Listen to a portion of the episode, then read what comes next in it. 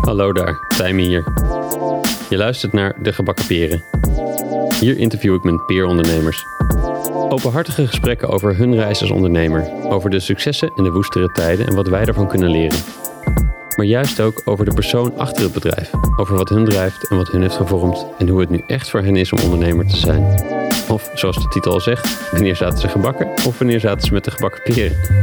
Oké, dat is de enige en laatste keer dat ik die grap zal maken. Ondernemerschap is de beste school voor persoonlijke ontwikkeling, maar misschien kun je sommige lessen met minder schade en schande leren door slim te spieken, of in het geval van podcasts, af te luisteren. In deze aflevering is Lotte de Jong te gast. Lotte ontwerpt met haar studio en Lotte ruimtes die zorgen voor interactie en ervaringen die je bijblijven. In dit gesprek hebben we het over het droombedrijf dat zij wilde creëren en hoe ze merkte dat toen ze daar dichterbij kwam, het niet resulteerde in het leven dat ze wilde leiden. We praten over de hoe die realisatie tot stand kwam, hoe ze daarmee omgegaan is en hoe ze haar bedrijf nu aan het inrichten is. Lotte ontwerpt allereerst ruimtes om van te smullen. Toen ik door haar portfolio bladerde, dacht ik continu, dat wil ik ook. Daarnaast ben ik erg onder de indruk van de zelfverzekerdheid in haar denken en hoe ze vertelt over haar weg en haar keuzes. Ik denk dat er pad er één is waar veel freelancers die mensen aannemen tegenaan lopen. Dus ik denk dat je hier veel aan hebt. Vond je dit nou een leuk gesprek en denk je, dit deel ik graag online? Tag dan de gebakken peren even. Onder degene die het delen verloot ik als bedankje een exemplaar van een van Lotte's boekentips. De keuze of De kracht van kwetsbaarheid. Of als je liever een ander boek uit mijn online boekenkast hebt, dan kan dat natuurlijk ook. Veel plezier met luisteren. Hier is ze. Welkom Lotte. Dankjewel. Leuk dat je er bent. Leuk dat ik hier mag zijn. een bitse tocht. Of, eh, als de luisteraars het luisteren, zal het wel ontdooid zijn intussen. Maar het was vandaag nog de flink sneeuw op de weg. Top, ja. Het was uh, maar de zon scheen. En daar word ik altijd uh, erg blij van. Sneeuw met blauwe lucht. Dat is waar ja. je van droomt als je op bitsport gaat. Um, Precies. en jij komt uit een gezin, familie vol met ondernemers. Kun je, kun je iets over zeggen wat voor ondernemers allemaal om je heen waren en wat je daar nou, misschien wel van geleerd hebt en meegenomen? Hoe dat jou gevormd heeft als ondernemer? Ja, klopt inderdaad. Uh, mijn vader is ondernemer, um, al 35, 40 jaar. En die heeft zijn eigen hoveniersbedrijf en ontwerpt daarnaast ook tuinen. Um, dat is natuurlijk de directe onderneming waar ik echt in grootgebracht ben, omdat de onderneming ook echt bij ons thuis uh, aan de keukentafel was eigenlijk. En uh, daarvoor, zeg maar, naast de grotere familie, opa's die boer waren. Dus die echt uh, van het platteland afkwamen. En veel, ja, veel ondernemingen in de familie, in, vooral in de bouw eigenlijk. Dus veel, ja, op allerlei verschillende gebieden. Dus als ik ooit een huis ga bouwen, zou ik ja, bijna heel de familie kunnen aanhaken als ik, als ik zou willen. Ja. ja, dus dus daar komt eigenlijk die ondernemendheid vandaan. Ja, was het toen ook al zo dat je, dat je wel ondernemend, uh, ding, ondernemende dingen deed? Of? Uh, ja, ik denk het wel. Ik heb, um, het is misschien wel leuk om te vertellen, een leuke anekdote. Um, mijn uh, buurvrouw, die vertelde een tijd terug aan mij dat ik vroeger altijd al heel goed wist wat ik wilde en waar ik heen wilde. En dan ook al dus iedereen precies in die positie kon zetten tijdens het spelen. Hoe ik dan dus, oh ja, jij moet dit zijn en jij moet zus en jij moet zo. En dan gaan we nu dit spelen. En daar was ik eigenlijk altijd al best wel leidend in. Uh, en ik denk dat dat dat ondernemerschap ook uh, een stukje is. Ja. Um, en daarnaast had ik volgens mij op mijn twaalfde of zo wel al de droom om ooit ondernemer te worden. Ja. ja. En wat, wat betekent ondernemerschap dan? Toen, denk je toen voor je? Uh, vooral doen uh, wat je leuk vindt. En tegelijkertijd ook zorgen dat je de vrijheid hebt om te doen wat je wil. Ja, die vrijheid om te doen wat je wil, dat vind ik al een mooie. Ja. Uh, ja. En je bent toen in Eindhoven gaan studeren, Sint-Lucas? Nee, Bokstel. Bokstel. Ah, sorry. Ja. Niet erg. Dat wel de grootste stad zijn die waar je heen ging van de twee, maar dat was Bokstel. Sorry. Ja. Bokstel of all places. Ja. Uh, ja, daar ging ik, uh, daar ging ik heen naar mijn VMBO. Ja. ik had ook geen andere optie of keuze bedacht. Ik wilde gewoon daarheen en dat had zo moeten zijn. Ja. En ik mocht daar ook beginnen. Je moest daar destijds nog best wel een strenge toelating doen.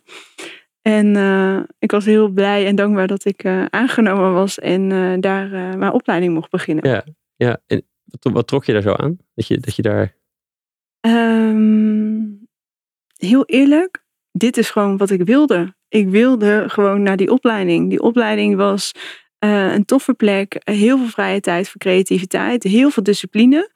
En, discipline in verschillende soorten creativiteit of echt discipline? Gewoon echt discipline. Ja. ja. Ja. wij gingen eh, daar dagelijks naar school van 9 tot half 5. Ja. We moesten daar zelfs klokken. Oh ja? dus ja, dus eh, het, je mocht eh, volgens mij tot twee over half negen ja, inklokken. Oh, wow. En je mocht twee minuten voor half vijf uitklokken.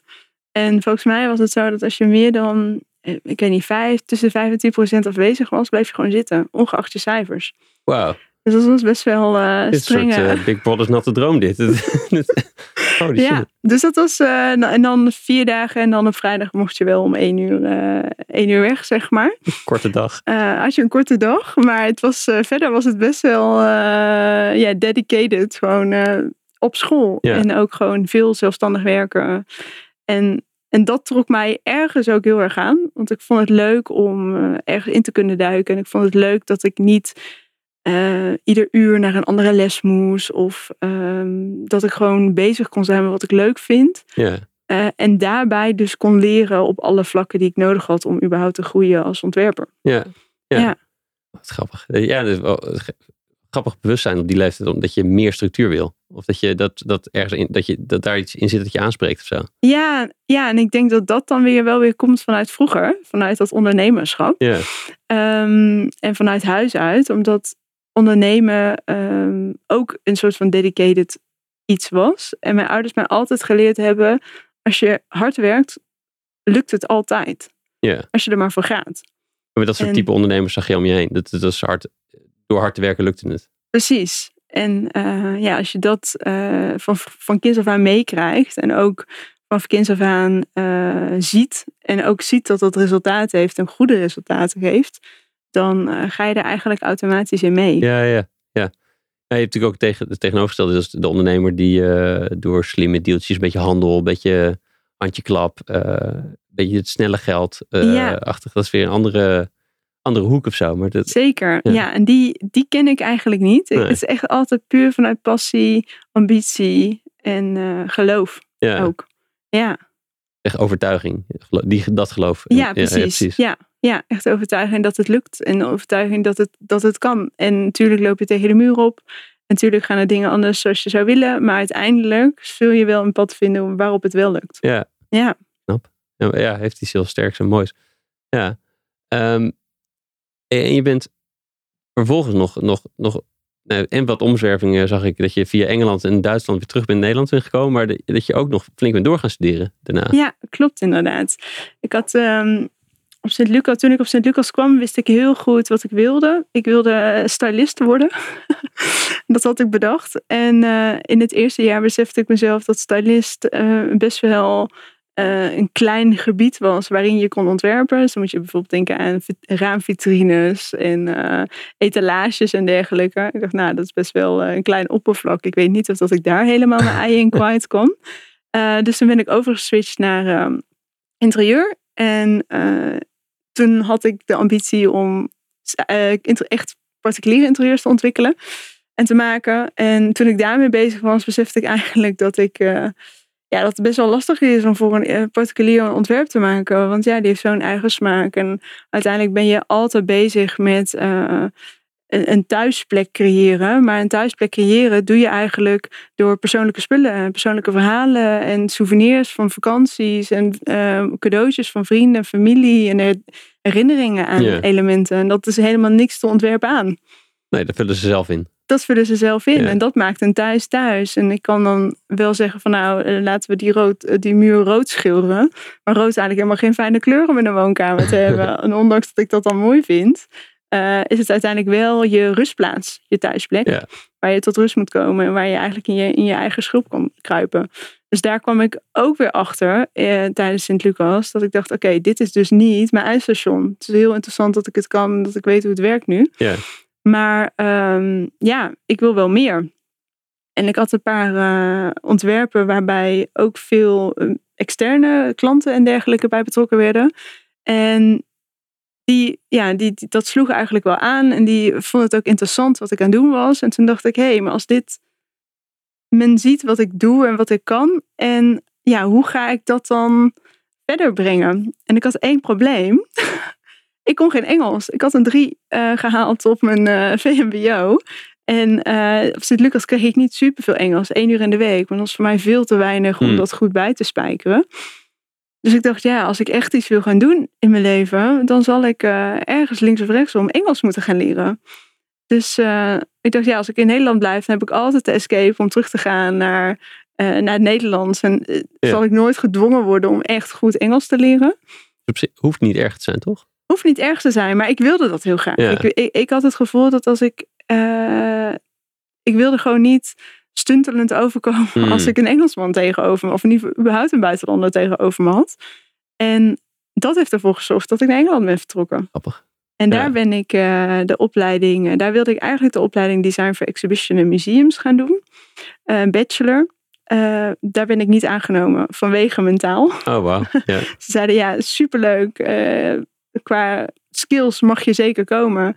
Maar als je geen Engels spreekt of nauwelijks Engels spreekt, dan ga je niet, eh, ga je niet redden Ja. op deze opleiding. Dus toen ben ik eh, op dezelfde universiteit naar een andere opleiding gegaan waar ik wel mocht eh, starten met mijn gebrekkige Engels. en na mijn bachelor ben ik dus nogmaals teruggegaan naar die professor voor Design for Ah. Exhibition en Museums. Ja, het is ook alweer toewijding, wat je eerder schreef. Of Ja. eh, beschreef over de eh, blijven geloven en blijven gaan. Ja, Precies, Dan ja. gewoon de, de vooropleiding eh, en dan, en dan Ja. nog een keer vragen. Ja. precies. Dan maar even een, een andere stap en focus op die, op die taal. En dan gaan we vanuit die taal wel weer, als, als dat onder controle is, gaan we wel weer terug die, dat rechte pad op, zeg Ja. maar. Ja. Dus toen ben ik uiteindelijk toch mijn master gaan doen. En die heb ik ondertussen zeven jaar geleden afgerond, denk ik. Ja, ja die tel raak je op een gegeven moment kwijt. Ja. Dat is misschien wel goed ook op soms. De, ja, en het, nou ja, en het, ik vind ook wel een soort van toewijding om, om, om, om opleiding, opleiding, opleiding te blijven doen. Zeg maar. dat, dat, ehm, je was niet klaar zeg maar, tussendoor. Nee, nee, nee, dat was grappig. Want ik heb altijd gezegd, als ik niet, geen zin meer heb, dan stop ik ook. En ik weet nog dat de laatste drie maanden van mijn master waren echt, eh, ja, die waren echt pittig.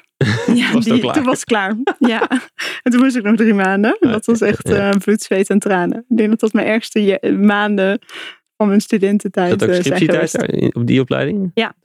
Ja. Bij iedereen altijd een drama. Ja, scriptie afstuderen.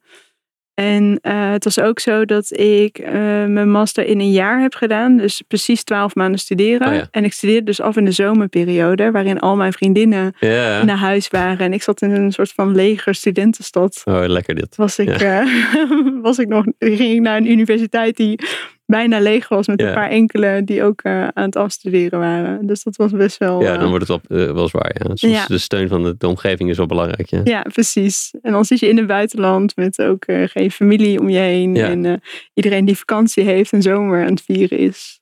Ja, dat is wel pittig. Je hebt ook geen afleiding. Dus het scheelt misschien als je de scriptie moet tikken. Dat je ook niks anders kan dan dat. Dan is het Nee, niet eruit getrokken. Ja. Hm. Ik weet nog dat eh, op een gegeven moment had ik mijn vader aan de telefoon. En die zei tegen mij, Lot, je moet echt nog gewoon... En dat ik nog 28 dagen moest of zo. En toen zei hij, eh, je moet echt doorzetten. Toen zei hij, heb je een, een naailint? Ik zei, ja, die heb ik nog wel ergens. Hij zei, knip gewoon iedere dag een centimeter ervan af.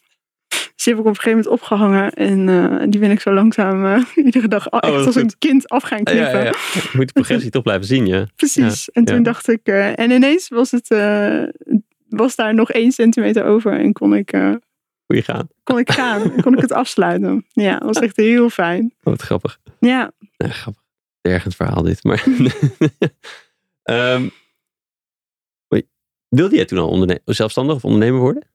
Eh, ja, ja, ja, dat wilde ik al vanaf mijn twaalfde. Ja, ja, dat is altijd dat- zo dat gebleven. Ja, dat is altijd zo gebleven. Ja, Ehm, en dat ook nog steeds hetzelfde beeld. Dat het, dat voor, dat het vrijheid en doen wat je leuk vindt zou voorstellen. Ja. Ja, grappig. ja. Maar je bent niet gelijk voor jezelf begonnen volgens mij. nee, klopt. Ik ben, eh, Dat dacht je nog te, nodig te hebben? ehm, nou, ik studeerde af in de crisis, Hmm. 2012. Ik kwam uit Engeland. Eh, ik was drie jaar niet in Nederland geweest, nauwelijks in Nederland geweest. En ehm, ja, het was gewoon heel moeilijk om überhaupt een baan te vinden. En je, kunt wel, ja, je had kunnen zeggen, hey, dan is dit ook het moment om te gaan ondernemen. Ehm, maar ik voelde me daar nog te, te jong voor. Hmm. Te, te onervaren. Ja. Ik wist gewoon niet waar ik moest beginnen. Dus ik dacht, nou, laat ik eerst maar eens ergens gaan leren. eh, en kijken hoe het vak werkt. Ja. Want school en de realiteit en het echte werken is echt wel, zit echt wel iets anders in elkaar als, uh, als dat je denkt, denk ik, um, tijdens, de, tijdens de schoolperiode. Dus nee, ik heb op dat moment, uh, wel, stond er wel die stip van, hé, hey, ik word ondernemer, maar niet op dit moment. Ja, ja. En wat heb, wat heb je, is het ook, heeft het ook gewerkt zo? Heb je, wat, heb je geleerd wat je dacht te leren in die paar jaar dat je nog in Duitsland zat? Uh, ja, denk het wel. Uh, ik ben inderdaad, uh, ik ben drie maanden in Nederland geweest en toen ben ik naar Duitsland vertrokken. In Frankfurt ben ik bij een communicatiebureau gaan werken, wat in Duitsland het allermooiste beroep heet, wat ik eigenlijk doe. En dat is communicatie in Raum. En dat, uh, dat kennen ze ook echt alleen maar in Duitsland. Oh, en, die vertaling kent men ook verder nergens. Uh, maar dat is eigenlijk precies wat ik, wat ik doe. En dat deed dit bureau ook. En daar heb ik wel echt heel veel geleerd. Ja, daar ben ik echt. Ik was daar de eerste medewerker. met twee jonge gasten, twee jonge honden, die ja, ook gewoon echt heel ambitieus waren. En bij, zelf bij grote bureaus gewerkt hadden. Ja. Ja, we pakten gewoon alles aan. Qua klussen. Qua klussen en qua projecten. En uh, hun hadden echt een heel top netwerk, waardoor ik ook voor hele mooie merken meteen mocht werken. Ja, dat is ook... Dus ik heb daar echt onwijs veel geleerd. Ja. De luxe die je in het begin misschien zelf soms niet hebt. Ja. Nee, precies. Nee, zeker. En, uh, en daarna spreekt het mij sowieso aan om in het buitenland. Ik vind, uh, ik hoef niet per definitie altijd in Nederland te wonen. En ja, ik vind het leuk om een nieuwe stad en een nieuwe cultuur te ontdekken. En zo heb ik ook weer Duits geleerd. Ja, opeens allerlei talen. Ja, dat ja. goed. Ja. En, en hoe is hoe is het je bent, wanneer dacht je, of tenminste, wat was het moment dat je dacht, ik ga toch, nu ga ik terug? Ja, ik, uh, dat is eigenlijk voor persoonlijke redenen. Um, de periode dat ik uh, tussen Duitsland, uh, nee, tussen Engeland en ne Duitsland in heb ik dus heel even in Nederland gewoond. En uh, ik, had al, ik had mezelf voorgenomen, zolang ik bij mijn ouders blijf wonen, dan kan ik alle kanten op. Dus dan kan ik ook in het buitenland gaan werken. Ja. En dan kan ik, al, het maakt niet uit waar ik heen ga. Maar in die drie maanden ontmoette ik ook mijn huidige vriend. en uh, ik weet nog dat we op D3 zaten of zo. En ik vertelde van, hey, by the way, ik ga over twee weken vertrek ik naar Duitsland. Ja. En daar ga ik wonen. Nou, dat was niet de allerleukste date, kan ik je vertellen. die we hadden. Maar uh, ja, het was zo. Ik ging en uh, ik wilde niet voor de liefde, voor de liefde thuis blijven. En wij hebben contact gehouden. We hebben eigenlijk ook, we zijn eigenlijk wel een relatie gestart in die periode. Ja. Dus we hadden gewoon eigenlijk een achteraf gezien een latrelatie. En ik weet nog dat we een keer op een zomeravond uh, in Frankfurt op een berg zaten. Je hebt daar uh, iets verderop een grote berg waar je zo echt over de stad uitkijkt. Een fantastisch mooi uitzicht. En, uh, en, toen vroeg hij mij die vraag van, hey Lot, wat is je plan?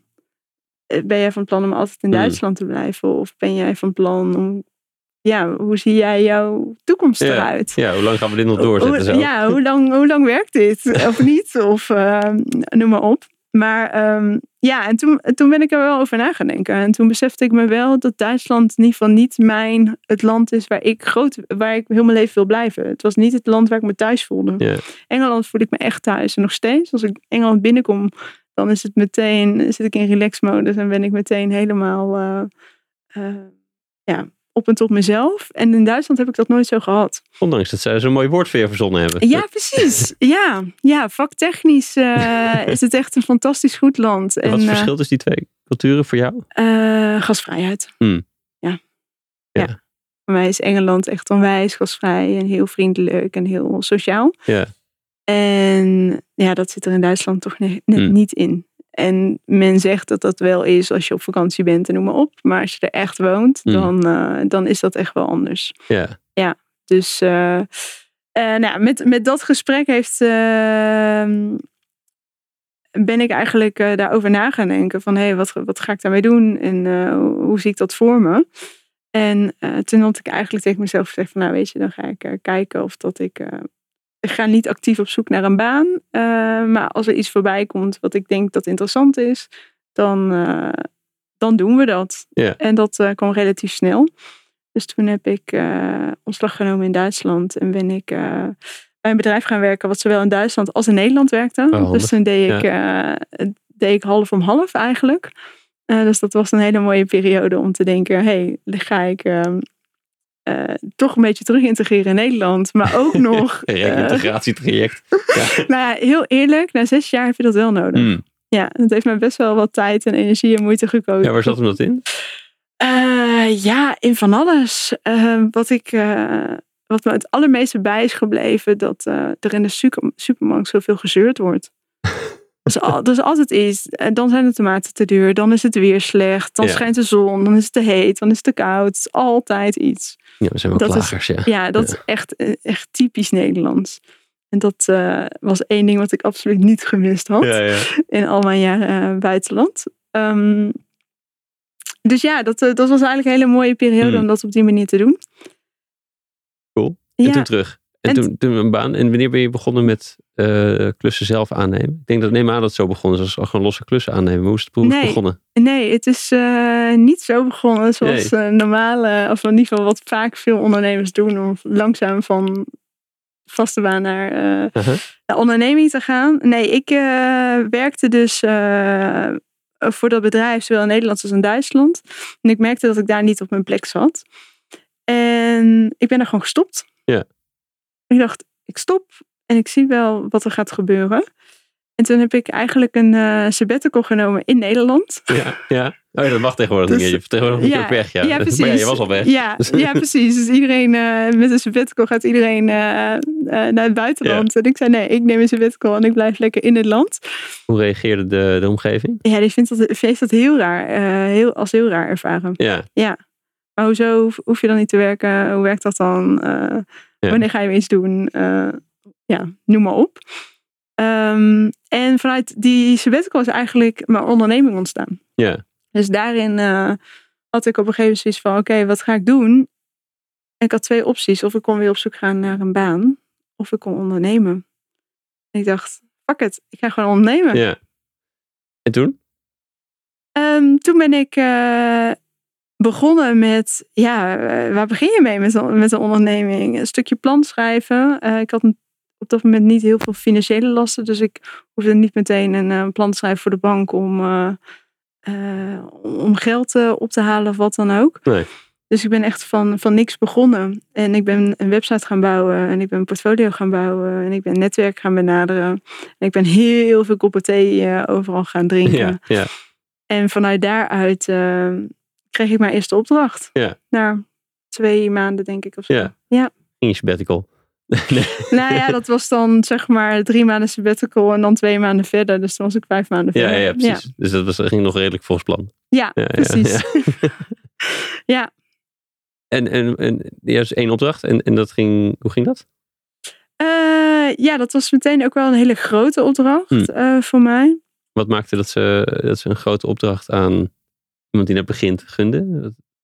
Ja, dat is een hele goede vraag. Ehm, dat is een hele goede vraag. Ik bedoel het helemaal niet het- zeg maar, met de kritische nee. ondertoon die er misschien in leek. Maar de, dus, Ja, eh, ik, denk dat het, ik denk dat het vooral te maken had met de manier waarop. Want ik heb wel gewoon moeten ehm, concurreren tegenover anderen. Ja. Ehm, ik denk dat voornamelijk mijn persoonlijkheid en hoe ik dat project wilde aanvliegen, dat dat men heel erg aansprak. Ja. En dat ze daarom eh, het risico durfden te nemen. En ik had wel gezorgd dat ik genoeg mensen om me heen had om dat ook te kunnen dragen. Want dat had je al daarvoor georganiseerd. Een soort eh, clubje met gezellen om, om grotere klussen mee te kunnen oppakken. Eh, ja nee, je bent ook creatief. Dus eh, je eh, heel even een zakelijk leider naast je. En ik zet, je zet heel even Oh ja. eh, wat, wat, wat mensen op de juiste positie. En dan, eh, dan kun je relatief snel eh, van start. Dit project was er niet van één iemand, eh, jij in je eentje ga maar iets ontwerpen en, en, en laat maar zien. Het is- was echt groter dan dat, met meer mensen nodig. Ehm, nou, ik heb het in, in eerste instantie wel gewoon zelf ontworpen. Ja. Ja. dat is ook wel de kracht van mij. Ja. Dat ik het wel altijd zelf blijf ontwerpen. Ja. Ja. Ja, dus vanuit zelfontwerp. eh, eh, voordat je überhaupt een ontwerp hebt, ben je al een paar stappen verder. Want je hebt al een paar keer een brainstorm gehad. En je weet eh, welke richting eh, men in wil. Je weet ook wat de inhoud is van Ja. wat je aan het ontwerpen Ja, bent. ja. Dus wat je eigenlijk moet presenteren uiteindelijk aan je eindgebruiker. En van daaruit ben ik ehm, uiteindelijk wel elementen gaan uitbesteden over. ehm, maar dat heeft dan meer te maken met echt de uitvoerende realisatie. Ja. Voor mij wat het onderscheid tussen het ontwerp en de realisatie, wat is dat? Ehm, nou, je moet je voorstellen, je bent een ontwerp, eh, je bent echt conceptueel aan het nadenken van hey, welke richting gaan we in en hoe gaan we dit realiseren. Dus er zit een stukje visualisatie in. En als dat allemaal van hey, dit is, wat, dit, is, dit is wat we tof vinden, dit gaan we doen, dan zit er nog een hele technische kant aan. Hoe gaan we het maken? Hoe ziet het eruit? Hoe uh, Ja. al het drukwerk moet gemaakt worden, al het DTP-werk. eh, er moet een hoop geregeld worden. Van alles moet op de juiste plek, op de juiste plaats zijn, Ja, op de juiste tijd. Nou, al die elementen samen, ja, dat is echt een, een productie. ja. Ja. Dat was niet wat jij wilde. Zo. Of dat, daarvoor dacht je Ehm, sneller, dat kan iemand anders ook goed. Nou, die productie deed ik ook wel. Alleen echt alles zelf doen lukt gewoon niet meer. Dus ehm, ik heb als eh, een bijzondere skill dat ik zowel kan ontwerpen als kan eh, best wel goed ben in managen. En in, in, projectmanagement. Dus best wel strak eh, in die projecten kan zitten. Maar je kunt gewoon niet op twee momenten tegelijk vliegen. Dus je moet, je moet dat ook niet willen om dat allemaal zelf te doen. Want je maakt ook relatief snel fouten. Want ik kan niet tegelijkertijd omdat je, Dat kan mijn hoofd in ieder geval niet. het zijn twee soorten denkwijzen die, Ja. die niet lekker parallel gaan of zo. Ja, precies. Dus eh, bij creativiteit heb je vrijheid nodig. Heb je eh, geen klok nodig, geen telefoon, geen mail. Gewoon lekker in je eigen bubbel eh, dingen creëren. Ja, En met projectmanagement ben je heel veel aan het bellen, heel veel aan het mailen, aan het organiseren. En ehm, heel stru- gestructureerd aan het werk. Ja, dus de makers en de managers hebben iets anders nodig. Ja. Precies, ja. Ja, nee, dat is, dat is wel een grappig fenomeen inderdaad. De de manager wil heel veel contact de hele tijd hebben, juist met iedereen. Die, en daar worden alle makers gestoord. Ja, precies. Iets heel anders nodig hadden. Ja, ja. Ja. ja. Maar de is dus- dus het, het, het, het, het, het uitvoerende, het, het, technisch ontwerp, dat, eh, dat liet je, daar had je wel snel andere mensen voor. Eh, ja, dus dat, daar, daar, daar maar haalde ik gewoon, ik haalde er partijen bij die dat, zou, die dat konden en die het dan ook meteen kunnen realiseren. Moest je die aansturen? Ehm, nee, meestal werk ik die wel zelfstandig. Oh ja. Ja. Anders moest je toch managen, leek mij. Dus ja, oké. Ja, klopt. Nee, het is altijd een beetje balans zoeken. Dus ik denk dat het voor mij, aan mij de taak is om iets zo goed mogelijk over te brengen. En daar is communicatie een heel belangrijk medium van. Maar op het moment dat je iemand mee kan nemen in wat jouw plan is en wat je doel is en wat je ambities zijn, dan kan iemand ook daar heel zelfstandig aan eh, eh, verder ontwikkelen en Ja. realiseren. Hoe weet je dat je genoeg hebt verteld? Dat is nog best wel ingewikkeld volgens mij. Dus theoretisch lijkt het, is het, het nou, zolang dat helder is, maar hoe weet je dat het helder is? Ehm, als je terugkrijgt wat je gevraagd hebt. Ja, maar dat is al te laat. Ja. toch? Klopt. Oh ja, dus dit, is, dit, gaat ook, dit is ook niet zo evident dat het mag. Nee. Nee, nee, het is, eh, nee, je moet je voorstellen. ehm, je hebt, bijvoorbeeld je hebt ontwerp en ehm, dit gaat ook wel, in het begin ging dat echt niet vlekkeloos. En nu gaat dat nog steeds niet altijd vlekkeloos. En je leert iedere dag in dat opzichte. Maar op het moment dat je goed over hebt kunnen brengen wat je, wat je wil. En als iemand anders dat op de een of andere manier snapt. En de eerste tekeningen bijvoorbeeld maakt en die terugkoppelt, dan zie je heel snel van, oh, volgens mij ben ik eh, of drie stappen te snel gegaan, of, eh, oh ja, volgens mij heb ik wel begrepen wat ik, eh, wat ik bedoelde. En dat is altijd een beetje een balans zoeken tussen, ja, hoe werkt dat nou? En de- ja, een, een, een, foutje zit in een heel klein hoekje. Ja, maar het is zo snel terugkomt op het moment dat iemand zelf iets weer heeft moeten maken, heb je wel nodig. Je snel weer ziet, eh, Ja. heeft hij het begrepen? Ja, Eh, ja. ja. Ja, dus altijd eh, relatief snel terugkoppelen. Ja, Ja. dat is een waardevolle...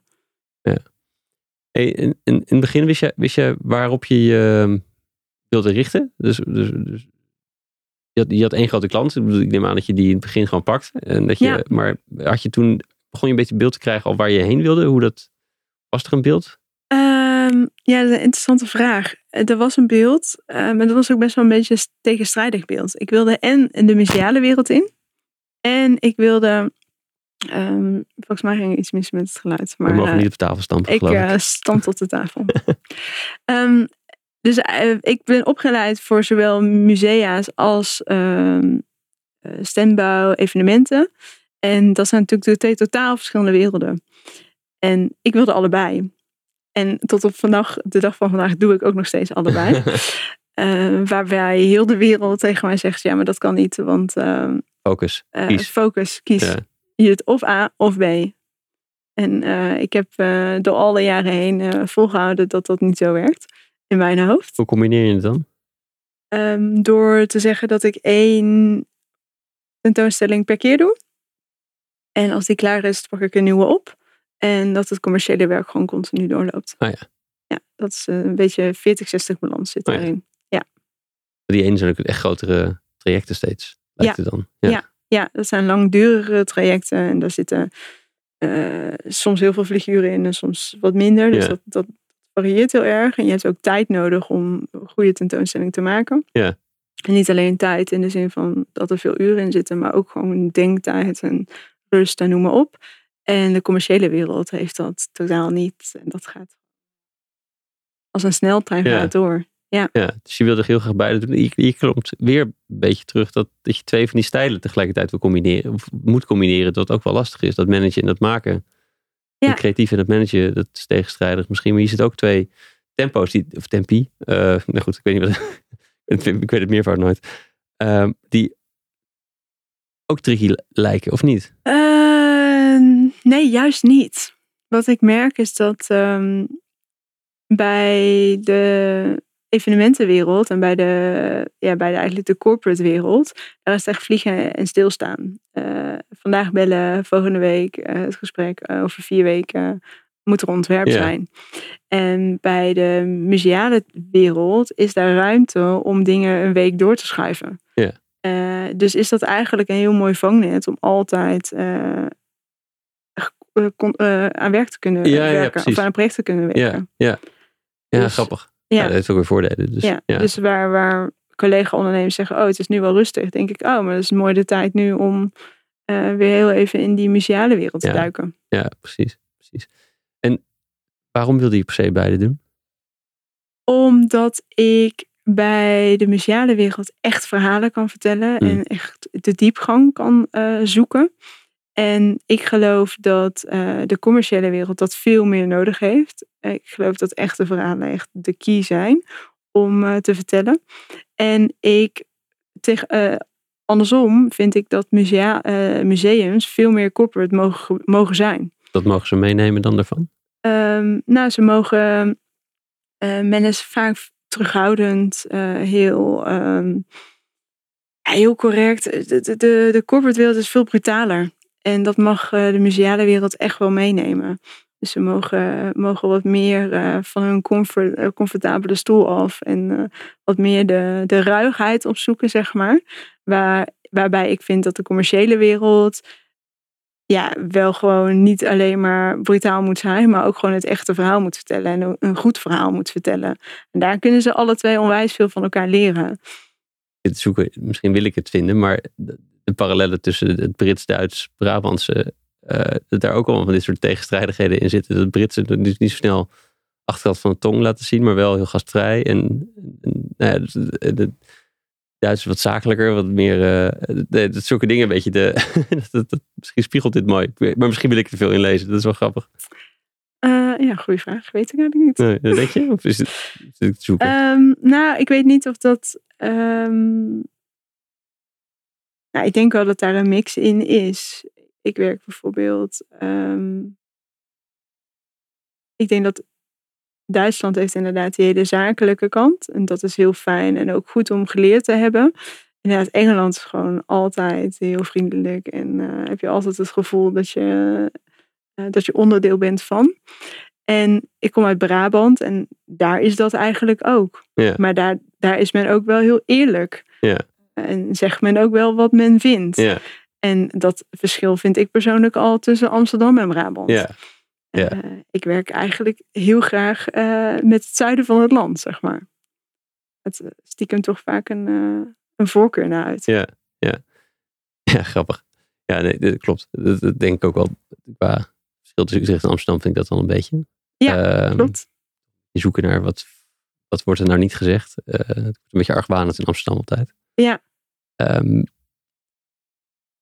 eh, wat, wat was je beeld bij hoe je, hoe je, hoe je, nou, je begint een soort clubje om je heen te verzamelen. Je begint opdrachten te doen. Wat, en wat was je beeld bij waar dat eh, over vijf of tien jaar. Hè, even, even terugspoelen in de tijd wat je wil toen was, maar waar, het heen moest. Wat, eh, wat had, je, had je een soort droom voor ogen? Ja, mijn droom was heel helder. Ik wilde een bureau hebben van ongeveer acht man. Ja. Dat was mijn droom. Ja, ja, ja.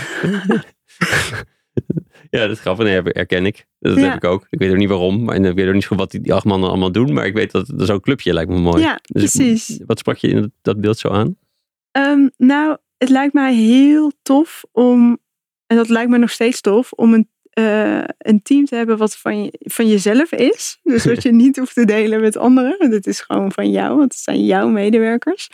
Maar dat je daarmee ook dus alles kan doen. Dus je kunt eh, van A tot Z leveren. En dat vind ik eh, heel fijn. En waar ik zelf eh, vaak last, wat ik zelf lastig vind, is dat je met heel veel partijen te maken hebt. En daar al die belangen bij Hmm. moet ja, zien te managen. En als je alles onder één dak hebt, dan is dat belang hetzelfde. hè. En kun Ja. je ook echt alle tijd en energie stoppen in de projecten in plaats van in het managen van verwachtingen. Ja, ja, ja, precies. Dus dat is wel een voordeel. Is, is er nog een andere soort, waarom je, waarom je zo'n beeld van acht zo, zo fijn vindt? Ehm, nou, omdat ik het ook overzichtelijk wil houden. Dus ik wil niet. ehm, ik wil het nooit te groot, want dan. eh, ik ben wel een mensenmens. Dus ik geloof dat als je heel veel mensen hebt, hè, dat je. Ja, dan ken je als, als eigenaar van een bedrijf nog niet eens je eigen medewerkers. Mm. Dat zou ik heel, eh, heel gek vinden. Dat zou absoluut niet bij mij passen. En ja, tussen de zes en tien was eigenlijk altijd een beetje de, de gedachte. Dus nu zeg ik acht, want dat is mooi het middelde van, gemiddelde van zes en tien. Maar dat, dat is een beetje waar het tussen zit. En wat die dan precies allemaal deden, doen inderdaad, eh geen flauw idee. Maar ik had wel in mijn hoofd van, nou, dat zou wel tof zijn als dat zou lukken. Ja, grappig. Ja. En je bent op een gegeven moment ook mensen erbij gaan halen. Tot hoe, tot hoe groot ben je, ben- je gegroeid? Eh, tot vier. Vier. Ja. En, en dat liep? Dat liep goed. Ging je toen? dat liep, eh, eigenlijk liep dat eh, allemaal heel goed. Ehm, en volgens wens of volgens droomwens. Ehm, en op een gegeven moment besefte ik me wel dat ik daardoor ook een andere rol kreeg. Dus ik was niet alleen maar aan het, eh, of eigenlijk was ik niet meer aan het ontwerpen, maar vooral aan het managen. Je helemaal niet meer ontwerpen? Eh, of is het echt Ja, helemaal nee, je, ja, je bent nog steeds aan het ontwerpen, maar eigenlijk doe je dat te weinig. Ja, Je bent vooral bezig met, eh, met klanten, met medewerkers, met eh, planningen, met deadlines. En ehm, ik was ook een soort van vliegende kiep altijd. Ja. Dus ik vloog overal in waar het nodig was of eh, waar we even een brandje moesten blussen of wat dan ook. daarmee is ook geen ruimte meer om die lege agenda te hebben om te ontwerpen. Precies. Geen klok, wat hoe zei je het net? Dat je Ja, vrije- die, die, die, die, ja, die bubbel, waar, die ontwerpbubbel waar je in eh, duikt, ja, daar was gewoon bijna geen ruimte voor. En dat Hmm. probeerde ik wel, maar dat lukte gewoon niet. ja. En waarin zag je dat je Ehm. te weinig ontwierp? Zie je dat ook echt in de kwaliteit van het werk terug? Ehm, In je skills, hoe, hoe soepel het gaat? voor mezelf, ja, ik denk dat je dat wel een stukje ziet in je skills, zeker. In je, gewoon je, je, je, je, je, je behendigheid, in je, in je programmatuur en dergelijke. Eh, maar ja, wat ik zei, ik vloog wel nog veel in. Hmm. Dus ik was wel een soort van vliegende kiep. En dan ben je wel nog steeds heel operationeel bezig. Ja. Maar ehm, ik denk dat het voornamelijkst, wat ik, wat ik voornamelijk heb gemerkt, is dat ik niet de vrijheid meer voelde om in die bubbel te kruipen. En ook de rust had om in die bubbel te kruipen. Ja. Er zijn heel veel afleidende belletjes die er af kunnen gaan. Dat, het- Precies, Ja. ja. En dan had je je nog zo voorgenomen om vandaag even die agenda leeg te Ja. hebben. En dan is er ochtends een telefoontje en zet hij heel je dag weer. eh, Ja. Maar het waren wel, wat je net schreef, of, eh, eh, beschreef, is dat je die acht man die volledig binnen één bedrijf werken, eh, eh, allemaal richting hetzelfde doel. Dan zou je kunnen zeggen dat je ook wel kan afstemmen van dit is hoe we werken, zodat we. Dus je hebt wel iets van architectonische vrijheid om het zo in te richten dat je, dat je die ruimte kan creëren. Maar dat, dat, waarom denk je dat dat dan toch niet lukt? Ehm, ja, ik vind dat een interessante vraag. Ehm, uiteindelijk ben je, ik ben een mensenmens, dus ik wil het ook goed doen voor anderen. Hmm. En je bent ook ehm, ja, gewoon met heel veel randzaken bezig, continu. Ja. En die randzaken die, die vragen gewoon meer tijd van je dan, eh, dan dat je zou willen. Hmm. En ja, daar, daar, daarin merkte ik gewoon dat die ruimte er minder was. Ja, ja precies. Volgens mij is dat niet helemaal an- antwoord op je vraag. Maar Nee, ik weet, ik weet het zelf, eh, het anders ook niet. Hè? Dus ik kan me ook voorstellen dat, je, dat, je, dat iemand belt of geeft aan, ik heb iets nodig en eh, ik weet het, ik kan even niet verder. En dat je dan, ja shit, nu moet ik net weer afbreken wat ik eigenlijk bedacht te doen. ja, eh, dat je dat toch doet. Lijkt me ook ingewikkeld om dat niet te doen. Ehm, maar toch, ja, toch. Het is je eigen toko, dus je hebt ook alles, alle, alle problemen ook aan jezelf te danken. Is dat een beetje de, valk, de, de vloek van de ondernemer? Dat Ja. je. Nee, maar ergens het, zou je zeggen, er moet toch genoeg vrijheid zijn om dat wel goed in te richten. Ik heb het antwoord niet, dus ik weet het niet zo goed. Ehm, maar dat je de systemen regelt of inricht of de afspraken zo maakt vooraf dat die probleempjes niet opkomen. ja eh, dat zou je denken. En daar heb ik het ook wel veel over gehad met mensen. Van hey, hoe werkt dat nou? hè? En Andere hoe- ondernemers ja, of adviseurs of. Eh, beide. Mm. Hey, hoe doe jij dat dan? En hoe, eh, hoe, hoe werkt dat dan? Hè? Of ja, wat is nou het... Ik was eigenlijk op zoek naar het gouden ei misschien wel. Ehm, en toch merk je dat men dus dan of andere prioriteiten stelt. Dus andere dingen minder belangrijk maakt. Waarvan ik dat heel moeilijk vond om die minder belangrijk te maken. Of eh, dat men op zoek ging naar eh, ja, gewoon veel minder menselijk werd. Hmm. En dat, dat paste alle twee eigenlijk niet bij mij. Nee, nee. En je merkte ook dat. ehm, ik heb ook wel geprobeerd om eh, niet altijd het eerste aanspreekpunt te zijn bij een opdrachtgever. Maar iedereen wilde toch altijd weer. Ja, maar ik heb toch even Lotte nodig. Ja, maar ik heb toch. Nee, ik wil het toch even met Lotte bespreken. Ja, Eh, dus uiteindelijk, ja. En waar ligt, waar ligt dan die grens? Wie pak je wel, wie pak je niet? En hoe, hoe werkt dat dan? ja Dat precies. is een interessante, interessant vraagstuk. Ja. En hoe belangrijk eh, vind ik het dat ik erbij ben? En hoe belangrijk vind ik mezelf dat wat is mijn positie in al die, ja, in al die situaties, zeg maar. Ja. Dus dat is een, eh, ja, dat, dat, dat, en dat vind ik nog steeds, de dag van vandaag nog steeds ingewikkeld. Ja, ja, ja precies. Ja, dus uiteindelijk besloot je dus om, to- om, om de boel kleiner te laten maken. Kun je iets. Eh, hoe is dat gegaan? En hoe is dat besluit gegaan? Ja, dat besluit was heel eh, radicaal. dat was. eh, daar heb ik een paar nachten over geslapen, maar toen was het wel helder dat ik het anders wilde. Ah. Ik was heel veel aan het werk op dat moment. En ehm, eigenlijk, ja, mijn dag was eigenlijk aan het eind van de dag, rond een uur of vijf of zo, vier, begon ik eigenlijk pas aan mijn eigen to-do-lijst iedere dag. Dus ik maakte gewoon hele lange dagen. En ehm, door ehm, privéomstandigheden ehm, heb ik een paar mensen verloren. Hmm. Eh, best wel kort op elkaar. En dat zijn best wel heftige situaties waarin je en dus een bedrijf aan het runnen bent en een plotseling verlies hebt, eh, rouw hebt en ja, even de wereld eigenlijk stilstaat en tegelijkertijd gaat de wereld gewoon door. Ja, Dus jij staat stil en de rest van de wereld lijkt gewoon door te gaan. En toen besefte ik mezelf, oké, het leven kan dus eigenlijk wel heel kort zijn. Hmm. En moet ik dit dan wel doen? Wat, word ik dan echt gelukkig van wat ik nu aan het doen ben? En toen kwam ik eigenlijk relatief tot besef, oké, wat ik nu aan het doen ben, zoveel managen, zoveel organiseren en dat team bouwen, wat ik zo belangrijk vond, wat ik zo graag wilde.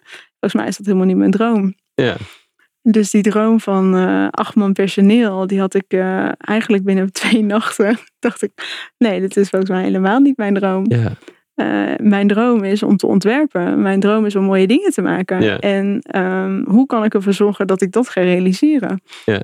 En toen had ik voor mezelf twee opties bedacht. Ik dacht, nou, ik kan één optie, ik kan doorgaan zoals ik nu doorga en nog vier jaar doorbouwen.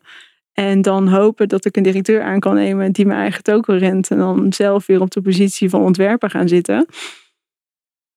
Of ik ga gewoon terug naar nul. En ik ga maar eens eerst eens even uitvinden wat ik dan zelf, eh, hoe ik het dan wel wil. ja, En hoe ik dat wel voor me, voor me zie. En ja, door om, ehm, ja, wat ik net zei, door, door, door eh, het overlijden van eh, dierbaren, besef je ook dat tijd best wel, ja, dat tijd best wel belangrijk is. Ja. Dus ik dacht, na vier jaar wachten, nee, helemaal niet vier jaar wachten. Het moet gewoon nu, ja, het moet gewoon vandaag. Ja. En ehm, toen ben ik eh, langzaam af gaan bouwen in een half jaar. Dus waarom zou, ja, wel, waarom zou je moeten wachten? Waarom zou het eerst opgebouwd moeten worden als je nu eigenlijk ook al dat kan doen wat je had willen doen, Ja, mits een andere vorm had?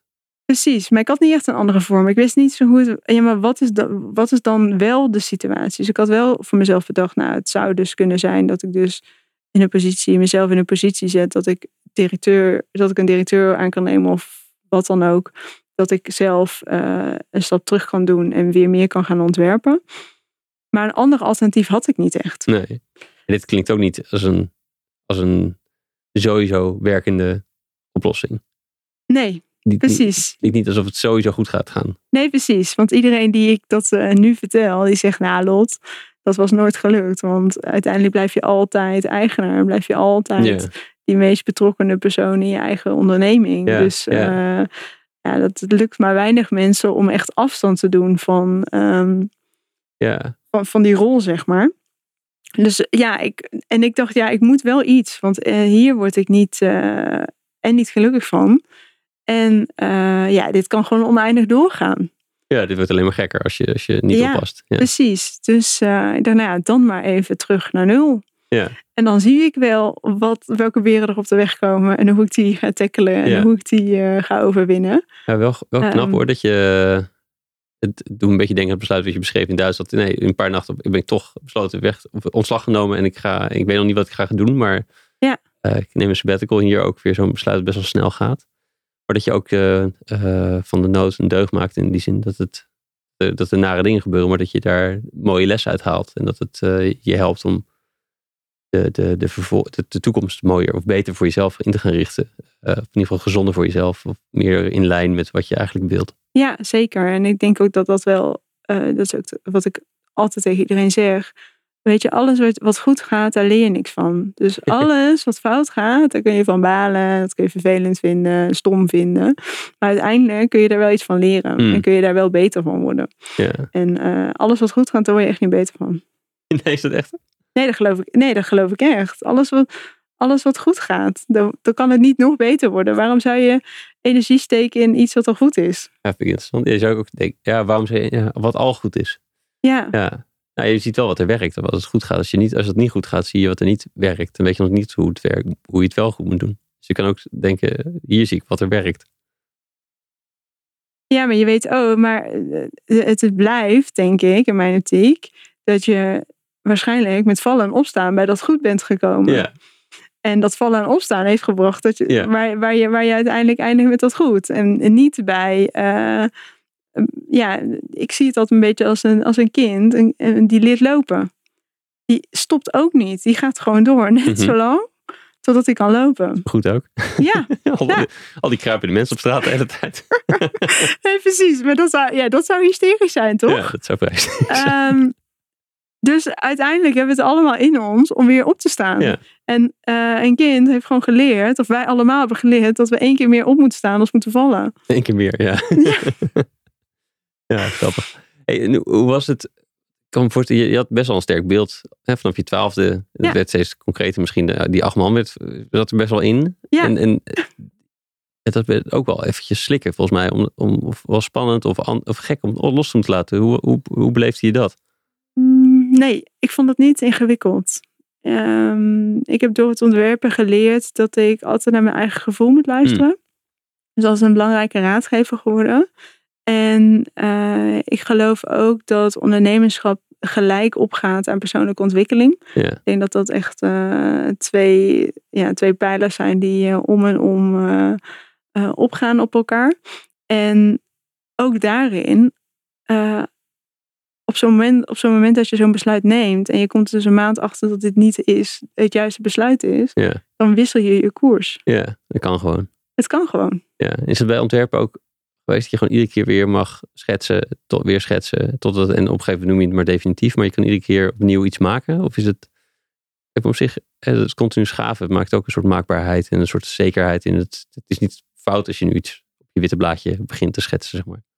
Nou ja, dat is een interessante vraag. Die, eh, aan de ene kant eh, heb je helemaal gelijk. Aan de Hmm. andere kant is het ook heel moeilijk om die eerste lijnen Ja. op papier te zetten. Ja. Ik heb mezelf wel heel erg aangeleerd eh, dat, tot het, dat, dat voor mij, of in ieder geval, en ik heb mezelf dat niet aangeleerd, maar ik heb dat gemerkt bij mezelf, dat ik het eindresultaat het allerbelangrijkste vind. En dat daar dus concessies gedaan moeten worden tijdens het ontwerpproces of tijdens een realisatie of wat dan ook, eh, dan kan dat altijd. Ja. Maar het eindresultaat moet goed zijn. En de eindgebruiker, dus degene die ehm, die tentoonstelling mag zien Ja. of eh, die die ehm, merkactivatie ziet, die mag niet het gevoel hebben van oeh, dit staat hier maar half. Ja, ja. Zolang dat maar goed is, is het de weg er naartoe goed. En dat geldt ook voor, nou, dat is misschien nooit een eindstation van een onderneming. Ja, als je stopt, maar de- je leven loopt door en zo. Dus dat, dat kan ook weer eh, meegolven, zeg maar. Ja, Eh, maar zo'n zo'n padwijziging kan dus gewoon. ja. Tussendoor is het oké. Ja, en ik geloof ook wel, ehm, of in ieder geval zo ervaar ik het van mezelf. Iedere keer als je iets bereikt hebt, ehm, ik vind eigenlijk de weg daar naartoe veel leuker en veel interessanter als, als het eindpunt. Maar Dus, daar draait het wel weer om. Dat is, de- de- dat- Ehm. ja, is dat niet paradoxaal? Dat je de weg gaat, het gaat om de weg, maar het gaat ook om het eindresultaat. Nou, je kunt wel van het eindresultaat genieten, maar ehm, dan is het goed. Ja. En Is het, het- ja, dan is het weer, dan is het weer een soort van, oké, eh, dan staat het weer stil. Ja. En ik ben niet zo, niet zo'n persoon die stilstaat. Dus dan ben ik weer op zoek naar, hé, hey, maar wat ja. kan dan nog beter? Of wat is, ja, welke weg kan ik dan inslaan? Of hoe kan ik dat dan doen? Of hoe, hoe kan ik A naar B? Of ja, noem maar op. En bij een onderneming heb je natuurlijk zelf je wiel wat je elke keer aan het herformuleren bent of aan het, aan het fine-tunen bent. En op projectmatig gebied, dus echt op werkgebied, heb ik gewoon iedere keer een nieuw project. Ja. Nieuw project afgesloten, hop, volgende project Ja. in. Super lekker. En dus niet uit de projecten te slaan. Dat, dat, Precies. ja. ja. Als je moet managen, dan is het, is het ruk totdat het af is. Als in de Eh. manager wil gewoon af, die wil de klant iets af kunnen laten zien. Tot die tijd heeft hij er niks mee te maken. En dan, Nee, Dus dat- precies. Ja, die- nou, dat weet ik, weet ik niet. Ik geloof dat dat een beetje parallel gaat. Maar ik neem Hmm. mijn opdrachtgever ook wel heel erg mee het, in het proces. Ja. Dus ik laat niet zomaar van, hé, hey, dit is wat we, oh, trouwens, dit is wat we gaan doen. Zo ziet het eruit. Ja. Nee, het gaat echt in een soort van eh, proces met, met elkaar ontwerpen. ja, En dat is ook wel de reden waarom ooit de studio Studio en Lotte is gaan heten. ja, met jou doe ik het. Ja, precies. Ja. We doen het samen. En het is niet eh, mijn reis, maar het is onze reis. Ja, dat is grappig. Dat is ook wel een tekenende manier voor hoe je managt, hoe, eh, hoe je dan kiest, hoe je de managerrol invult. Eh, als iemand anders dat doet, of als jij alleen nog maar die rol hebt, dan, dan gaat het ontwerpen en dat proces van het maken gaat, gaat weg. Maar als je het nu, nu moet je het wel doen, het managen, want je bent ook de ontwerper, dus je managt ook het project. En dan, hoe richt je het in? Nou ja, door het, een door het, het samen maakproces te maken. Ja, En precies. er samen in zitten, in het, in het gaandeweg ontdekken. Dat, Ja. En dat is ook eh, waar we het eerder over hadden, zo belangrijk om zo'n team, eh, wanneer heb je eens goed gebriefd of niet, ja, als je iedereen goed genoeg meegenomen genomen hebt. En eh, zolang je het onderdeel laat zijn van iedereen, dan kun je echt hele vette dingen maken. Ja. En ehm, ik merk ook dat als je deelt, dat iets nog veel mooier kan worden dan je zelf had bedacht. En dat eh, ik geloof niet dat een goed ontwerp of een goed idee ehm, in één keer op papier staat. Nee. Nee, dat, is, dat begint ergens en dat groeit en dat vult, wordt aangevuld door, door elementen. En op een gegeven moment denk je, oh ja, volgens mij is dit het. Hey, eh, en nu? Want eh, we, spraken van tevoren even. Je zei, ja, ergens zit het ook nog steeds wel mm, niet met dwars, maar een soort getrokken om toch weer een soort iets groter bureautje te zijn. Want dan, dan zit je weer aan tafel met de serieuze, eh, serieuze jongens, wil ik zeggen. Dat is een beetje flauw nou. Maar de, de, de, de grotere, die serieuzer genomen worden. Dus dat je ook weer een soort, af en toe is het handig ook wel weer groter zijn. Hoe, hoe ga je er nu mee om? En, en waar wil je dat het nu heen gaat? Ja, dat is de, de, de, de vraag eh, der vragen op dit moment voor mij. Ehm, ik had, ehm, we zitten natuurlijk in, nog in een COVID-situatie, ondertussen al eh, ja, ongeveer een jaar. Ja, En ehm, vorig jaar, januari, dus net voordat de, de COVID startte, had ik al mijn zinnen gezet op een projectmanager. Ja. En dacht ik, hé, hey, dan ga ik niet eh, meer alle mensen, ik ga niet meer ontwerpers aannemen, maar ik ga alleen maar mensen aannemen met andere eh, kwaliteiten dan die ik heb. Ja. En ga ik zo mijn team bouwen.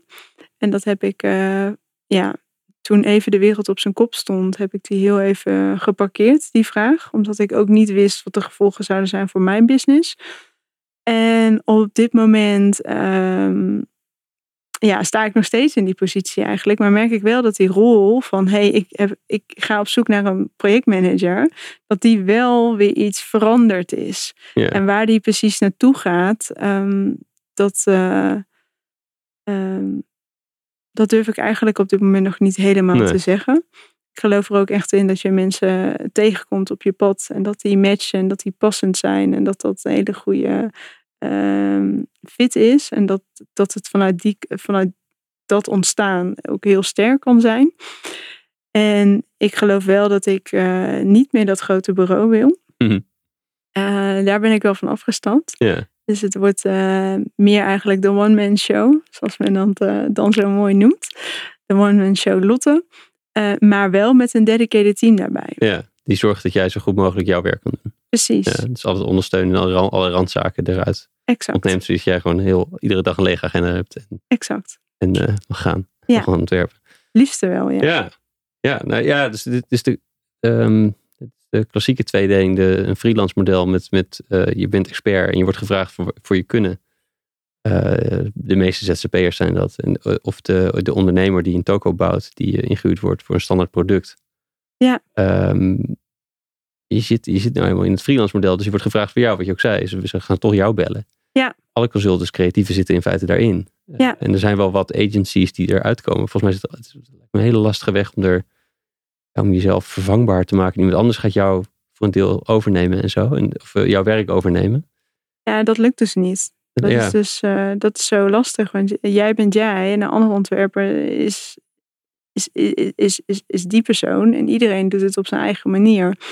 En je kunt wel proberen iedereen maakbaar te maken naar, ehm, naar wie jij bent. En, eh, ja, de Lotte-stijl. Ja, maar helemaal lukt dat gewoon niet. Ja. En dat eh, ga ik ook niet meer proberen, zeg maar. Ja.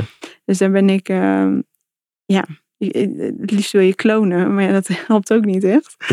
Eh, ik denk niet dat de wereld beter wordt van meer lottes, eh, Ja. moet ik eerlijk toegeven.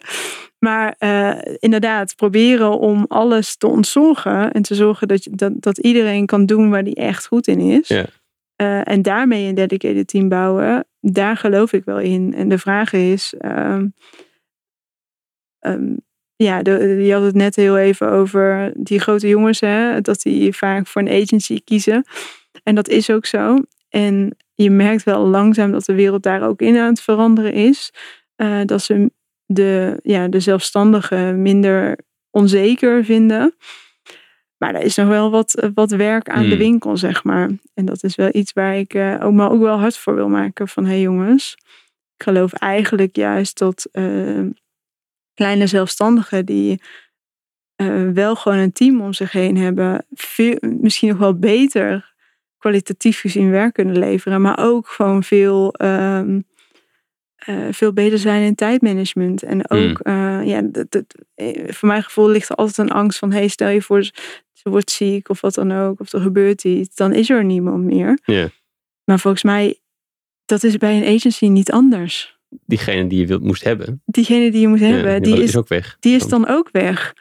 En dan moet ook dus iemand. vervangbare uh, eh, hoe zeg je, tandwieltjes gevraagd. En is dat nou zo'n goed ontwerp geweest? Ja, precies. En uh, ik vraag me af uh, ja, of dat die risico's zijn. Ja, wat, wat zijn die risico's nou eigenlijk? Hmm. Ja. Uh, ik geloof dat een zelfstandige uh, drie keer sneller, uh, drie keer minder ziek is als een werknemer. Ja. Ja. je kan niet nat gaan bij je baas als je zegt: Ik heb een groot bureau ingehuurd. Je kan geen, uh, geen flaten slaan dat je de, de, de bekende usual suspects gevraagd hebt om het te ontwerpen. Het is minder, minder eng voor degene die inkoopt. Dus de, um, ja, en als hij edgy doet, iets risico's ja. doet. Ik heb nou iets moois ontdekt. Moet je, maar, ja, je moet even geloven. Ze is niet heel groot. En dan, gaat hij, dan, ja. dan moet hij zijn eigen vertrouwen inzetten. Ja. En daar kan hij op nat gaan.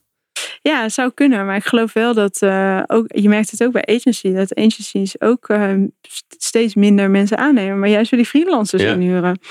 En uh, dan heb je eigenlijk nog steeds precies diezelfde constructie. Ja, ja, precies. Maar zit er alleen een agency tussen. Nou, en ik geloof dat het, dat, dat geeft ook weer heel veel ruis op de lijn. Ja, Want zeker. Het, uh, ontwerpen is ook een vak wat uh, een stukje smaak is. En vind je iets mooi of lelijk? Als jij uh, heel je leven angst hebt voor rood. En ik ontwerp iets in het rood. Dan, ja, echt iets met rood, ja. ja? Dan, ga ik, dan ga ik je niet overtuigen van, van rood. Of stel je voor, je hebt als, eh, als klein kind een, eh, een, eh, een grote brand meegemaakt. En je hebt daar alleen maar brandweerauto's. En ja, brandweerauto's Ja. zijn rood. Nou, dan gaat rood nooit je lievelingskleur Nee. worden meer. De rest van je leven. En ja, dus, dus ik geloof dat, dat, dat al, die, al die meningen helemaal niet handig zijn in een ontwerpproces. Hoe cleaner het is, hoe beter eigenlijk. En ehm, ik geloof ook dat ehm, in een agency zitten ook gewoon heel veel uren die het gewoon ehm eh, overheadskosten zijn. Ja. Ja. Is zo zonde, want dit kan allemaal gestopt worden in hele vette creatieve Ja. Wat, waar zou je meer heen willen groeien qua ontwerpstijl? Of qua, hè, dus je zegt, eh, al die eh, middelmaten, omdat je met elkaar moet, binnen een agency moet onder de vlag van het agency passen. En krijg je dus een soort van eh, design by committee. ehm, eenheidsworst. Waar, welke, welke is, is- ja, maar jij wil liever liever een soort scherpe kant op, begrijp ik. De, de Ja. bal rood, maar dat, maar Ja. hoe zou, wat, er zijn een soort droombeelden van dat zou, zoiets zou ik echt gaaf vinden om te maken. Waar je stijl heen wil ontwikkelen. Ehm, nou, de grap is, ik heb geen stijl. Ik zie je met niet. hele grote ogen kijken. Huh? Nee, de, mijn, ik geloof dat mijn stijl, eh, of mijn stijl is dat ik me heel goed kan verplaatsen in de opdrachtgever en zijn eindgebruiker. En het is eigenlijk die driehoek waar je van ontwerpt. Eh. Een ontwerper ontwerpt eigenlijk vaak voor zijn opdrachtgever, maar ik werk, ontwerp niet voor mijn opdrachtgever. Ik ontwerp voor de eindgebruiker van mijn opdrachtgever. En het enige is dat mijn opdrachtgever mij betaalt. Ja. Ehm, maar ik hoef hem niet te overtuigen. Ik moet zijn eindgebruikers overtuigen, want dat is zijn doel. Ja. En daarvoor moet je een stukje kunnen inleven in een merk, in een visie, in een missie. En eh, je moet heel goed je eindgebruikers snappen. Ja. En dat is eigenlijk wat ik steeds doe. En dat is, maakt ook dat dat mijn stijl is. Ja. Dus ik heb niet een hele specifieke ontwerpstijl. visuele handtekening die je overal aan herkent. Precies. zeg maar. Het is echt de interactie met de, met de eindgebruiker. Mm. Dat is eigenlijk mijn handtekening. Ja. Ja. En die zou ik eh, zeker nog verder uit willen breiden. En eh, die zit dan voornamelijk op merkactivatie. ja. En wat zijn dan eh, hoeken waar je nog in zou willen duiken? Of bepaalde manieren van activatie? Of, of Nou, ik zou ehm, nog wel in de. Ik heb een paar dromen. Een van de dromen is om echt nieuwe producten op de markt te kunnen zetten. Dan? eh, nou, bijvoorbeeld. eh, nou, je hebt bijvoorbeeld alle grote. Mij lijkt het bijvoorbeeld heel gaaf om nog een pop-up stand te mogen eh, ontwerpen voor Lowlands. Bijvoorbeeld van een Heineken of een, een Apple branded of welk type drankje op dat moment hip en trendy is. Ja. En gelanceerd moeten worden op al die festivals. Ja. Dat lijkt mij heel gaaf om nog een keer Hmm. te mogen doen. Maar tegelijkertijd vind ik het ook heel tof om bijvoorbeeld op een Amsterdam Centraal of op een Utrecht Centraal gewoon een hele vette digitale interactie te ontwikkelen. Waarbij gewoon alle wachtende mensen gewoon een interactie met elkaar aangaan. En Mm, in plaats van dat ze met hun ogen op hun telefoon eh, gekluisterd zitten of eh, eh, iets aan het luisteren zijn of gewoon een soort van in een eigen wereld zitten. je praat nu tegen mensen die allemaal ook, aan het luisteren zijn als we weer met de trein gaan. Precies, ja, ja bijvoorbeeld. Dus, de even pauze, praat je buurman. Ja, praat met je buurman. Ja, precies. En eh, en zet dit op als je op de fiets naar huis zit. Ja. Of alleen in de auto, of een strijk, of een weet ik het wat. Eh, er zijn genoeg momenten om podcast te luisteren. Maar er zijn ook bijvoorbeeld op zo'n centraal station. Ja, daar zit zo zonde dat we eigenlijk helemaal niet meer bezig zijn met elkaar. Maar alleen maar bezig zijn met, eh, met ons telefoon en alles wat in die digitale bubbel gebeurt. En mij lijkt het heel gaaf om met digitale media te kijken om die om zo'n plein levend te krijgen. Om die mensen gewoon actief te krijgen. En om die mensen eh, thuis te laten komen s'avonds met wow, ik heb vandaag toch iemand ontmoet. ja, vet. Of eh, oh, ik heb nu iets meegemaakt. Dat was echt zo gaaf. Ja. En het was me echt, ja, ik stond toch te wachten. Dus het kostte me helemaal niks. Maar ik heb wel echt een mega mooie ervaring erbij. ja, vet. Ja. Leuk. Dat zijn dingen die ik, eh, die ik gewoon echt het allerliefste doe. Mm. Ja. Ehm, een paar vraagjes nog hoor, voordat ik eh, een afronding durf te denken. Ehm, je zei net al dat persoonlijke ontwikkeling de hele tijd doorgaat en meegroeit met je bedrijf. Wat zijn een paar stappen, een paar dingen waar je terugkijkend wel echt denkt, eh, dat heb ik, dat heb ik moeten ontwikkelen in die tijd? Wat niet? Welke springen eruit? Um, Oeh, goede vraag. Ik denk dat ik voornamelijk uh, als ontwerper heel erg op mezelf heb moeten leren vertrouwen. Mm. Um, ontwerpen is echt wel een uh, proces waar veel pijn in uh, voorbij komt. En je moet echt door die pijnen heen om tot te komen tot waar je uiteindelijk wil zijn. Dus dat is wel een procesje waar ik uh, soms nog doorheen, doorheen moet. Wat is die pijn dan precies? Um, nou, de frustratie dat het niet lukt. Je hebt, ja. een, je, hebt, je hebt iets in je hoofd en je weet welke richting je in wil, maar je kunt het niet altijd meteen pakken. Dus uh, daar zitten ook heel veel verloren uren in. En uren van frustratie. En dat je het even niet meer weet. En dat je denkt, oh man, oké. Okay, um, maar ik moet eigenlijk nu leveren. Of ik moet nu presteren.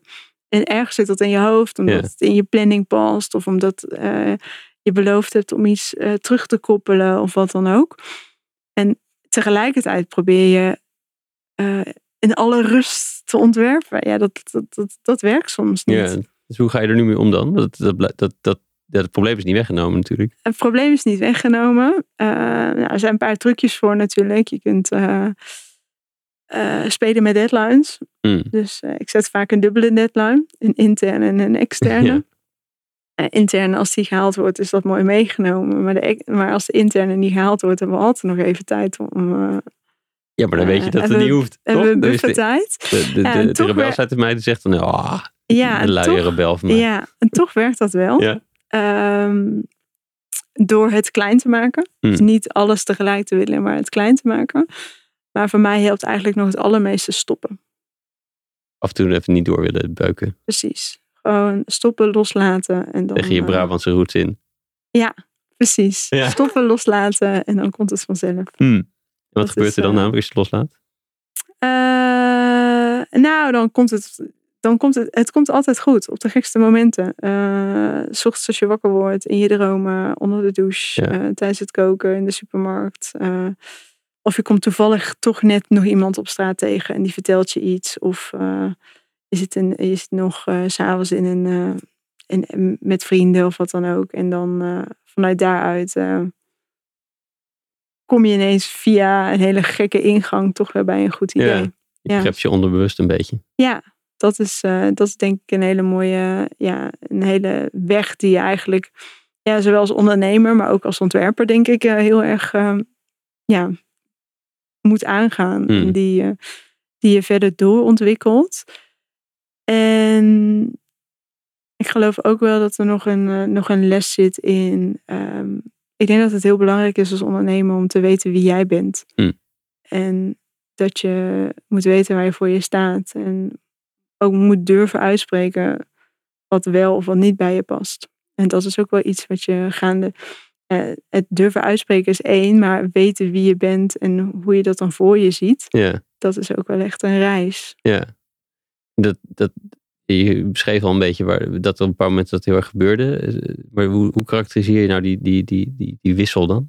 Dat je eerst dacht, ik wil dit zijn. En, of ik denk dat ik dit ben. Dat, nee, ik ben eigenlijk dit. Ehm, dat is echt terug diep naar binnen gaan. En ehm, je wordt, geloof ik, altijd, eh, je, wordt, je wordt gevormd. Je wordt gevormd door je school, je wordt gevormd door vrienden, je wordt gevormd door je ouders eh, die je opvoeden. Je wordt gevormd door relaties, eh, door het type werk, door de klanten, door projecten die je doet. Dus overal word je door gevormd. En het is elke keer de vraag om heel goed te luisteren naar jezelf. Van hey, achteraf gezien, hè? je hoeft niet in het moment. En je hebt ook al die lessen nodig. Maar achteraf iedere keer te kijken van hey, was dit nou eigenlijk wel eh, voor mij bedoeld? Of was dit, paste dit nou echt bij mij? Ja. En ik merk het ook heel erg als ik eh, gewoon merk dat iets niet lekker loopt. Dan weet ik eigenlijk al, hey, Ja. dit is een moment dat ik moet nadenken. Dit, dit is een les voor de volgende keer. Ja. Ja. Wat, eh, een paar voorbeelden van wat je nu realiseert van ja, wat, dit is dus niet voor mij. Ehm, nou, bijvoorbeeld die, die keuze, hè, waarbij iedereen het over had: van hey, je moet of musea, museaal kiezen en cultureel kiezen of commercieel. Eh, ja, voor mij was het dat alle twee niet. Ik wilde niet. eh, ik heb een tijdje alleen musea's gedaan, maar daar werd ik doodongelukkig van. Het ging, dat tempo lag best wel eh, laag. Mm. Want er wordt heel veel tijd besteed aan heel veel, ja, aan dat hele proces. En ik was ook tegelijkertijd gewend om heel hard te rennen en te vliegen en korte deadlines en heel snel schakelen. Maar je merkt ook, als je alleen maar dat doet, eh, e- echt alleen maar op die commerciële kant zit, dan heb je weer het, dan had ik weer het gevoel dat ik nooit ergens echt in kon duiken en nooit echt de diepte in kon. En door het wel beide te blijven doen, heb ik dat mooie balans kunnen vinden. ja, grappig. Maar dat Ja. is wel echt tegenstrijdig tot eh, alle adviezen die ik, eh, die ik gehad heb, zeg Ja. maar. Ja, ik betrapte mezelf ook een beetje op dat ik dacht, eh, eigenlijk die musea leuker of zo. Maar dat, de stiekem toch meer daar zat. Maar ik snap ook wel dat je, wat je zegt, ja, dan heb je op werk en snelheid gemaakt. En dan, oh, maar we gaan dus nu niet direct verder. Wat is dit nou? Met, eh Ja, met je gas, ja. ja. ja het is een hele, een hele andere dynamiek. Mm. En ik vaar op beide heel goed. En ik denk dat door de combinatie dat ik daar juist heel goed op vaar.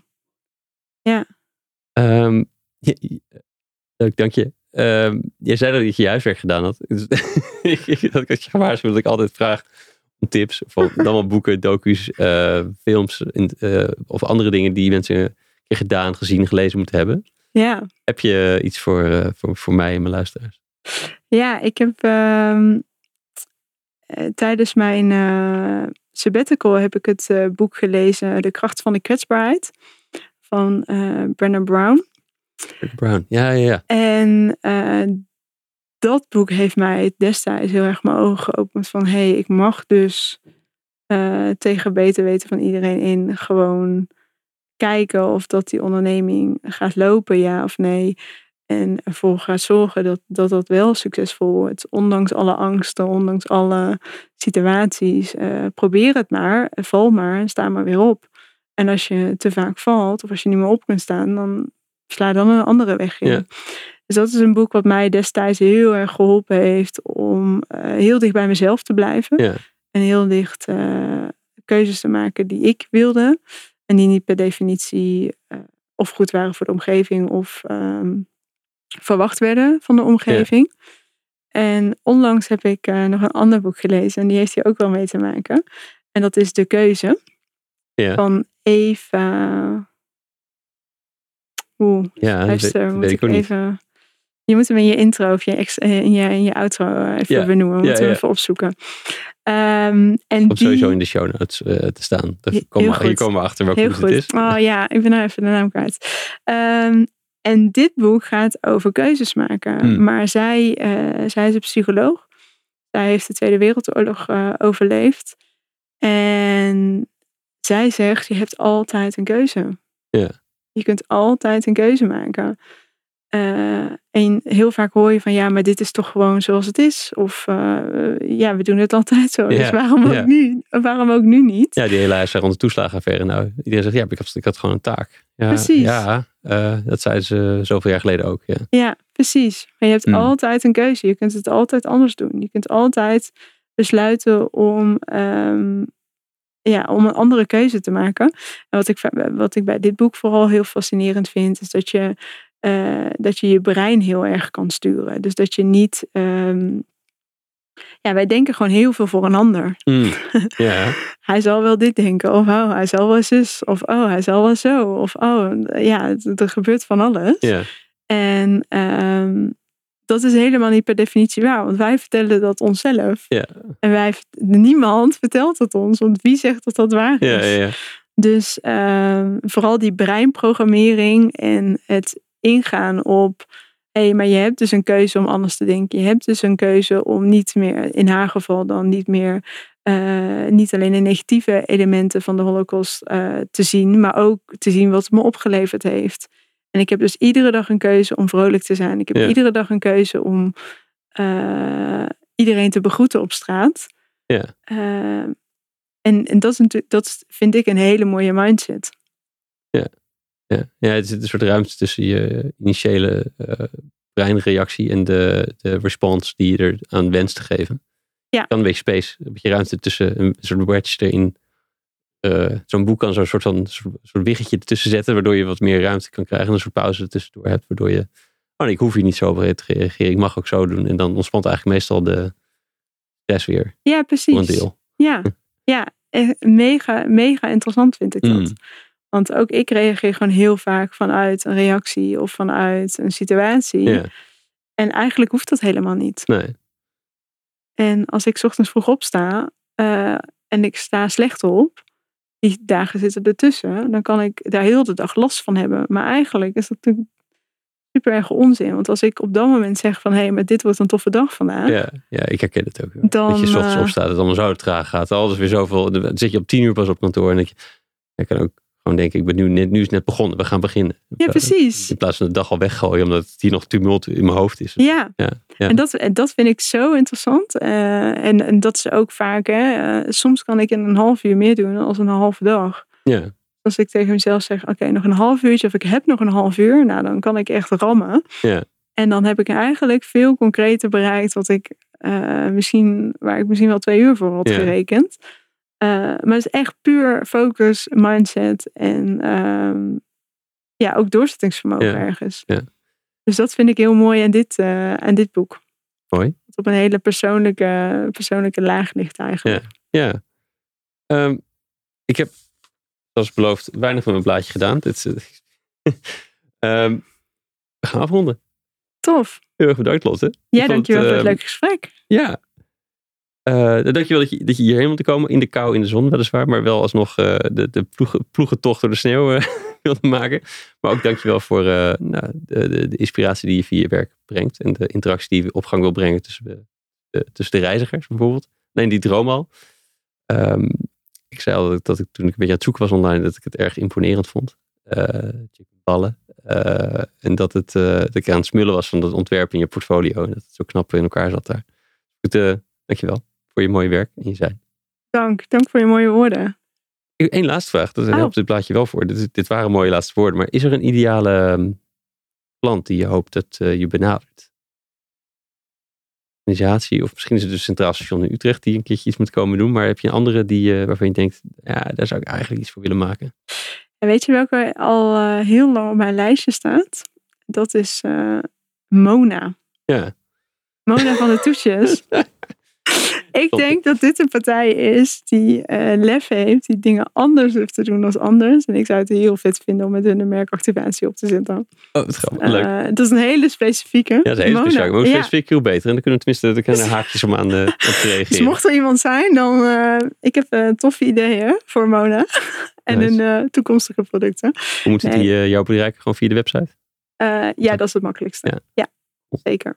Ja. Dankjewel. Leuk, dankjewel. Zou jij eh, dat rode knopje daar kunnen indrukken en dan, dan, dan sluiten we de audio echt af. Ja, ga ik doen. Durf je dit? Ja, durf ik. Ja, dat was hem alweer. Dankjewel voor het luisteren. Wil je zeker weten dat je de volgende aflevering ook vindt? Abonneer je dan op de podcast. Je weet hoe dat werkt in de app die je gebruikt. Weet ook dat ik van alle afleveringen uitgebreide show notes met de lessen en de links uit het interview maak. Deze vind je op www.studiogeorge.nl slash podcast. En ik ben heel benieuwd hoe je het gesprek vond. Waar kon je geen genoeg van krijgen of waar zou je meer van willen horen tijdens de gesprekken? E-mail me op tijmen.studiogeorge.nl Als laatste, na elk interview werk ik één inzicht uit in een korte blog. Die stuur ik met liefde naar je inbox, gepaard met wat links die me inspireerden die week. Meld je aan voor dit Espresso Shot strategie op www.studiogeorge.nl slash shots of strategy. Allemaal aan elkaar. Heb een goede dag en tot de volgende.